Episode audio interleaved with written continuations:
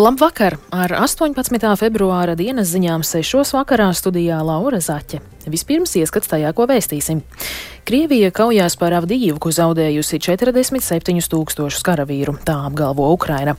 Rīgas dome plāno būvēt jaunu skolu meža parkā un labots 26 gadus vecs Latvijas rekords vieglatlētikā. Par šiem un citiem tematiem plašāk ziņu turpinājumā.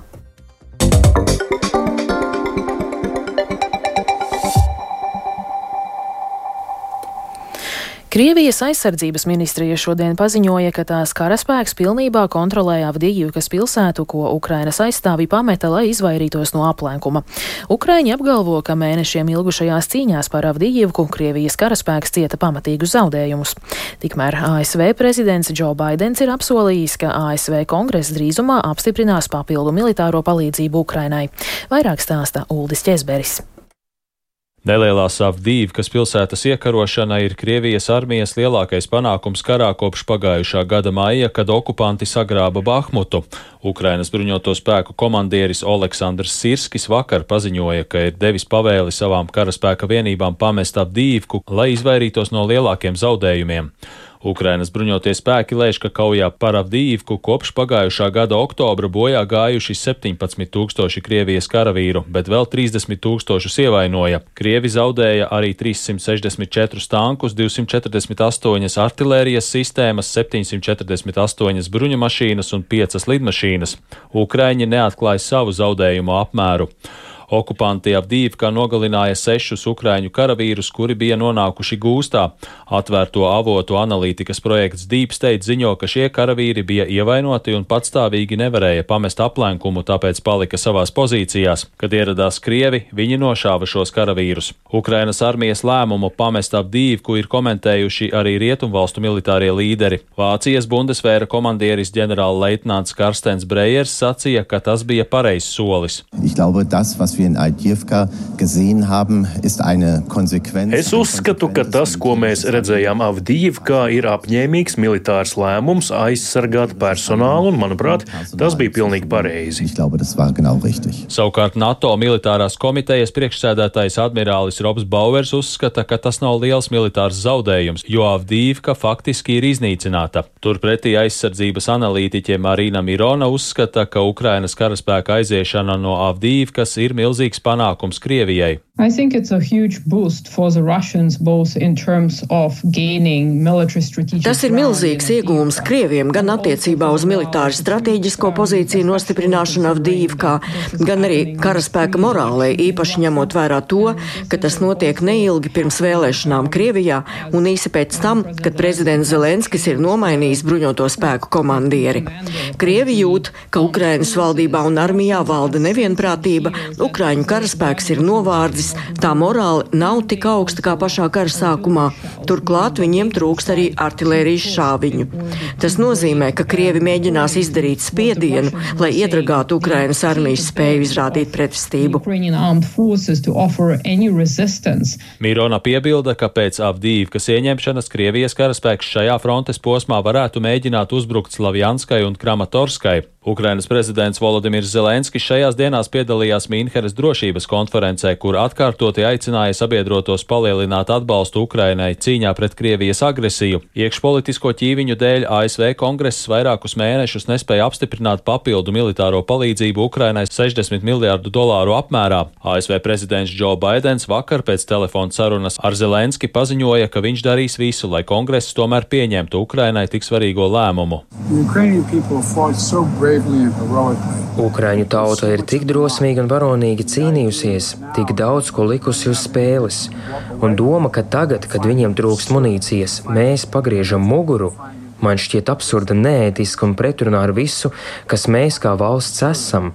Tāpēc es cīnīšos, līdz mēs nodrošināsim viņiem nepieciešamo munīciju un spējas, kas viņiem ir vajadzīgas, lai viņi varētu aizstāvēties.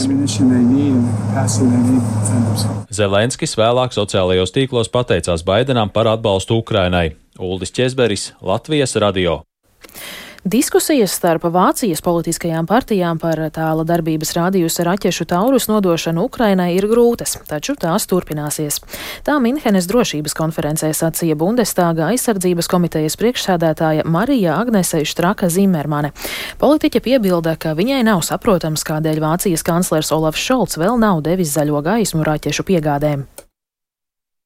We could see two days ago Mēs pirms divām dienām redzējām, Navaļnijas Krievijā tika nogalināts, un es un mani liberālās partijas kolēģi teiktu, ka pareizā atbilde ir pateikt Putinam, tagad mēs sūtīsim Ukrainai visu, kas mums ir, pat taurus. Tas ir mans viedoklis. Bet patiesība ir tāda, ka Vācijā mums vienmēr ir daudz diskusiju, un ja kaut ko darām, darām to vācu veidā. Mēs turpinām diskusijas par taurus, un man ir grūti izskaidrot, kādēļ kanclers neteica aiziet, darām to. Bet varu apsolīt, ka turpināsim diskusijas. Ir ļoti būtiski nogriezt Krievijas loģistiku, un mēs zinām, kur tā ir, un zinām, ka tas ir jādara. Ieslodzījumā mirušā Krievijas opozīcijas līdera Alekseja Navaļnija tuvinieki un sabiedrotie joprojām nezina, kur atrodas viņa mirstīgās atliekas, jo varas iestādes to slēpj. Neskaidri ir arī Navaļnija nāves iemesli. Divās dienās kopš opozicionāra nāves Krievijas pilsētās turpinās ziedu nolikšana un veidojas piemiņas vietas. Un turpinās arī aizturēšanas. Ir aizturēti vairāk nekā 400 cilvēki, tā liecina nevalstiskās organizācijas OVD info apkopotie dati.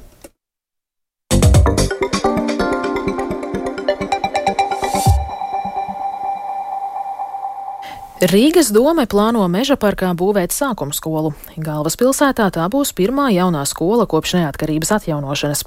Projekts varētu izmaksāt 13,5 miljonus eiro, kurus pašvaldība šogad cer aizņemties no valsts. Vairāk Viktora Demidova ierakstā. Sākuma skolu meža parkā pašvaldība iecerējusi būvēt sudrabu eģus ielas un kokneses prospekta stūrī. Divu stāvu ēkā no 1. līdz 6. klasē varētu mācīties ap 470 bērnu, kurus apmācītu pussimt pedagogu. Jaunajās telpās varētu pārvākties 45. vidusskolas meža parka filiāles skolēni un personāls. Stāsta Rīgas vicemērs Edvards Ratnieks no Nacionālās apvienības Latvijas reģiona apvienības kopīgā saraksta. Jugla teika, čiekurkalns, meža parks, tāpat arī dārziņi, bieriņi, tās latviskās apkaimes, kur ir ļoti liela nepieciešamība pēc izglītības pakalpojumu. Tas savukārt meža parka projekts jau ir vairākus gadus izstrādāts un ir gaidījis atvilknē savu kārtu. Diemžēl tā Lībekas skoliņa pārāk maz vietas tur ir. Un arī tā infrastruktūra ir tik ļoti nolaista, ka diez vai saprātīgi būtu šobrīd to remontēt. Pašvaldības ieceri atzinīgi vērtē meža parka attīstības biedrībā, taču vienlaikus domas iecere radot bažas. Pat laban sudrabu eģus ielas un kokneses prospekta stūrī ir ierīkoti pašvaldības mazdārziņi, kurus vasarā izmanto līdz pat simt vietēju vietējo ģimeņu. Tā norāda biedrības vadītājs Kaspars Gailītis. Neskatoties uz to, ka ir, protams, gatavs skolas projekts, un mēs to saprotam, un šī stadija ir tāda vēlīna, bet mēs plānojam palūgt Rīgas domu izvērtēt, vai šo skolas būvniecības ieceri nebūtu iespējams realizēt šajā te saules dārza teritorijā. Tādējādi iespējams tad saglabāt ģimenes dārziņus. Ja tomēr doma skola būvēs izraudzītajā teritorijā, apkaimes iedzīvotāji lūdz pašvaldībai mazdārziņiem nodrošināt citu vietu meža parkā. Taču vicemērs Ratnieks norāda, ka Rīgā ir daudz citu vietu, kur iedzīvotāji var kaut ko audzēt, liekot noprast, ka meža parkā mazdārziņu turpmāk var arī nebūt. Skolu reformu laikā jaunas skolas ir nepieciešamas pierīgā, kur iedzīvotāju skaits pieaug, norāda Ināra Dundure, Latvijas pašvaldības savienības padomniece izglītības un kultūras jautājumos. Akūta situācija ar nepietiekamu skolu skaitu, nepietiekamu skolu platību, iespējas uzņemt savus novada bērnus ir Tātad Mārupe, tas varētu būt privātās partnerības projekts, ķekava. Tāpat tās, neskatoties to, ka ādaži ir uzbūvējuši modernu, skaistu skolu, ka nu jau tā ir piepildīta 130%. Taču vistuvāk jaunu skolas būvniecībai visdrīzāk ir Rīga, pieļauj ratnieks, kurš ir arī Rīgas metropolis viens no vadītājiem. Meža parka skola varētu izmaksāt 13,5 miljonus eiro, kurus pašvaldība šogad cer aizņemties no valsts. Būvniecība varētu sākties jau šogad. Viktors Demidovs, Latvijas radio.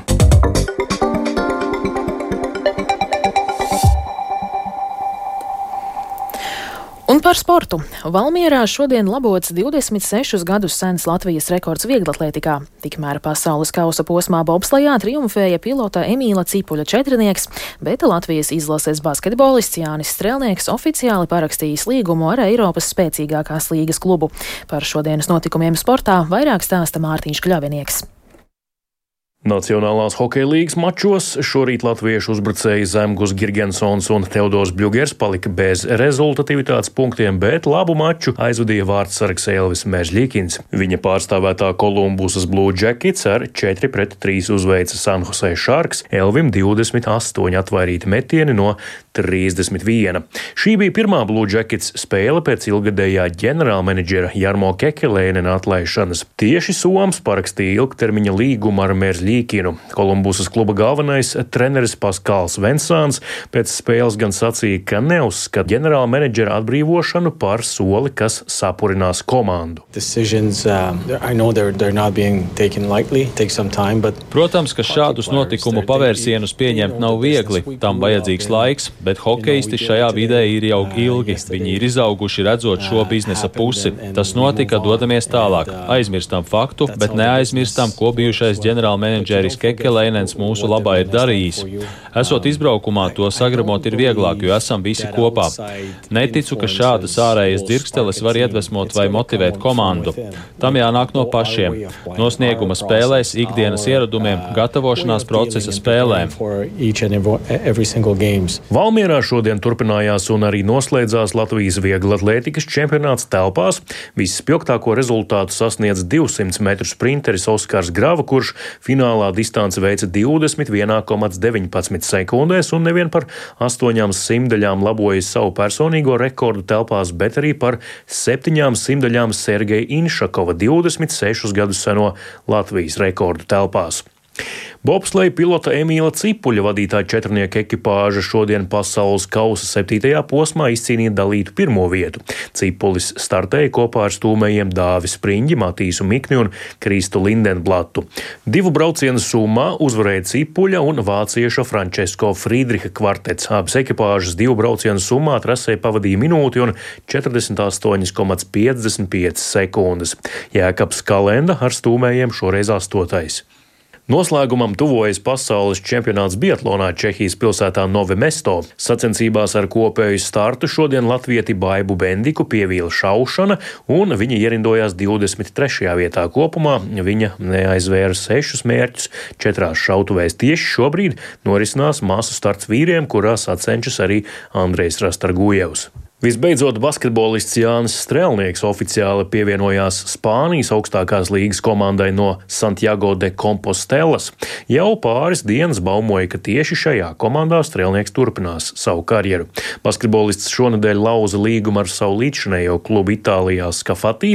Spāņu žurnālists Šema de Lukas vēsta, ka Santiago de Compostelas klubs varētu papildināt sastāvu arī ar Jāni Timu, kurš šobrīd pārstāv Stambulas Dariša Faka. Strēlnieks un Tīma iepriekš kopā spēlēja Grieķijas klubā Olimpiakos. Mārtiņš Kļavinieks Latvijas radio. Un nu pat tapis zināms, ka Latvijas biatlonists Andrejs Rastorgujevs Novemesto pasaules čempionātā biatlonā izcīnījis sudraba medaļu 15 km sacensībās ar kopējo startu. Tas ir lielākais panākums gan Rastorgujeva karjerā, gan arī Latvijas biatlona vēsturē. Līdz šim no latviešiem tikai Ilmāram Brīcim bija pasaules čempionātu medaļas, divas bronzas godalgas. Ar to izskan 18. februāra dienas ziņas. Producente Vija Bremse ierakstus montēja Kaspars Groskoms, pieskaņu puls Iveta Zvejniece, bet studijā Laura Zaķe. Vēl tikai par laikapstākļiem. Yeah. Rīgā šobrīd ir plus 1 grāds un pūš ziemeļu vējš 2 m2. Atmosfēras spiediens ir 776 mm, bet relatīvais gaisa mitrums - 68%. Rīta dienā būs lielākoties mākoņains, vakarā dienvidrietumu rajonos gaidāms sniegs un slapjš sniegs.